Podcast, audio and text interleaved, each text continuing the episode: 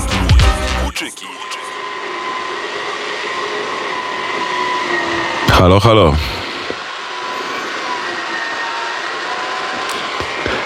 Dzień dobry wszystkim. Dzień dobry e, panie prezesie, panie Krzysztofie. Myślałem, że e, usłyszę pański głos, natomiast e, jestem tu sam, więc sam się witam i witam wszystkich słuchaczy Radia Wnet. Wciąż jeszcze z Kryszan, z regionu Istria w Chorwacji, z podnóża góry Ućka, z domu Winka Brękowicza, którego słyszeliście w czwartkową porą. Dzisiaj od niego wyruszam. Właśnie zaraz muszę zebrać pranie, które mam nadzieję, że już wyschło, zapakować spakować je do plecaka, e, przeorganizować sobie tam wszystko ułożyć tak jak należy, no i wyruszyć w podróż. E, w podróż, mm, która teraz już będzie przebiegać troszkę szybciej, bowiem właśnie zacząłem trzy trzeci od końca licząc e, tydzień. Za, mnie, za mną już pięć tygodni tego programu. No i no, jeszcze trzy tygodnie muszę dostać no, finalnie do Stambułu do Turcji, gdzie, gdzie skąd od którym powrócę do Polski.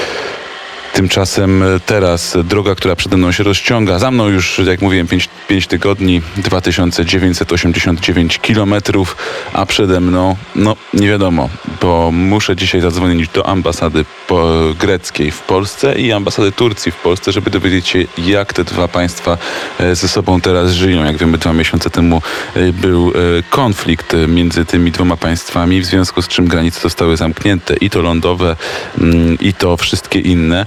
W związku z czym muszę wybadać tę sprawę, jeżeli chcę w ogóle do Turcji się dostać mm, drogą przez Grecję, która wydaje mi się ciekawsza.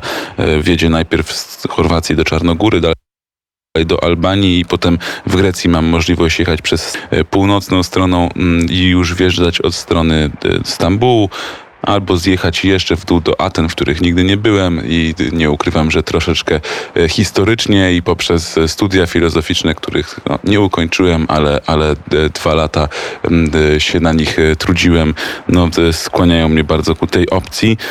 Z Aten mógłbym wziąć prom do Izmiru i już wylądować gdzieś na południu Turcji, żeby, żeby najpierw iść, zanim pojawi się w Stambule, w Konstantynopolu. Natomiast jeżeli, Turcy, jeżeli Grecja będzie zamknięta, w sensie granica grecko-turecka będzie zamknięta, no to e, opcja jest następująca, mianowicie Czarnogóra, Albania i z Albanii odbijam na wschód do Macedonii.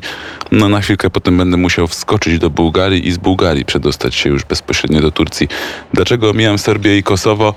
Serbię dlatego, że y, już byłem to raz, dwa, y, mam mieszane uczucia y, co do społeczności tam żyjącej. Nie chcąc dyskryminować nikogo, ale tak jak już opowiadałem, tam przy okazji kilku różnych programów miałem y, raz y, taką nieprzyjemną sytuację, która mnie spotkała spotkała z ręki Serbów, a teraz już y, spędziwszy tydzień prawie u Winka w Chorwacji wśród Chorwatów, y, którzy w piątek obchodzili y, dzień no, powstania na nowo państwa chorwackiego i odzyskania niepodległości, to o Serbach też się trochę nasłuchałem, więc stwierdziłem, no poza tym daleko od morza, daleko od tych takich uciech natury, które do mnie przemawiają, więc też sobie to w jakiś sposób mm, odpuszczam. No i ze Serbii musiałem jechać do Kosowa, którym też jest niebezpiecznie. Odpuścisz to sobie. Znaczy... I, I może dobrze, bo usłyszeliśmy cały plan e, Twojej podróży. Będziesz się zbliżał w kierunku e, Libanu, ale czy już podróżą jesteś zmęczony, czy ona napędza Cię i chcesz i dalej, i dalej, i dalej pojechać? To jest y, trudne pytanie, bo y, męczące to nie jest odpowiednie może określenie. Po prostu y, momentami odczuwa się pewien przesyt y, intensywnością zdarzeń. Później ja tak jak mucha trochę latam tak z kwiatka na kwiatek, to tu, to tam i czasami ten nektar tu i ówdzie jest słodszy. E, można zaznać trochę odrobinkę spokoju, jakiegoś czegoś znajomego, tak jak tutaj u winka.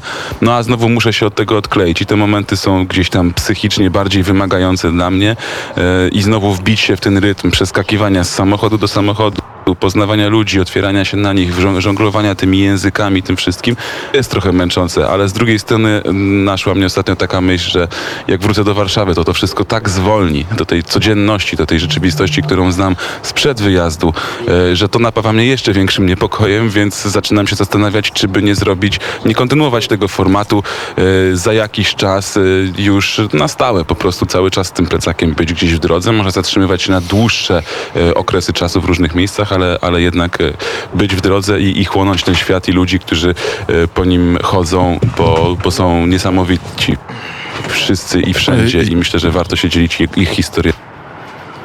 I to, I to są e, marzenia, e, marzenia Włóczykija, którego Państwo usłyszą o 10.30. Ciąg dalszy trasy, ciąg dalszy e, wspaniałej podróży Jana e, Olenckiego jest e, przed nami.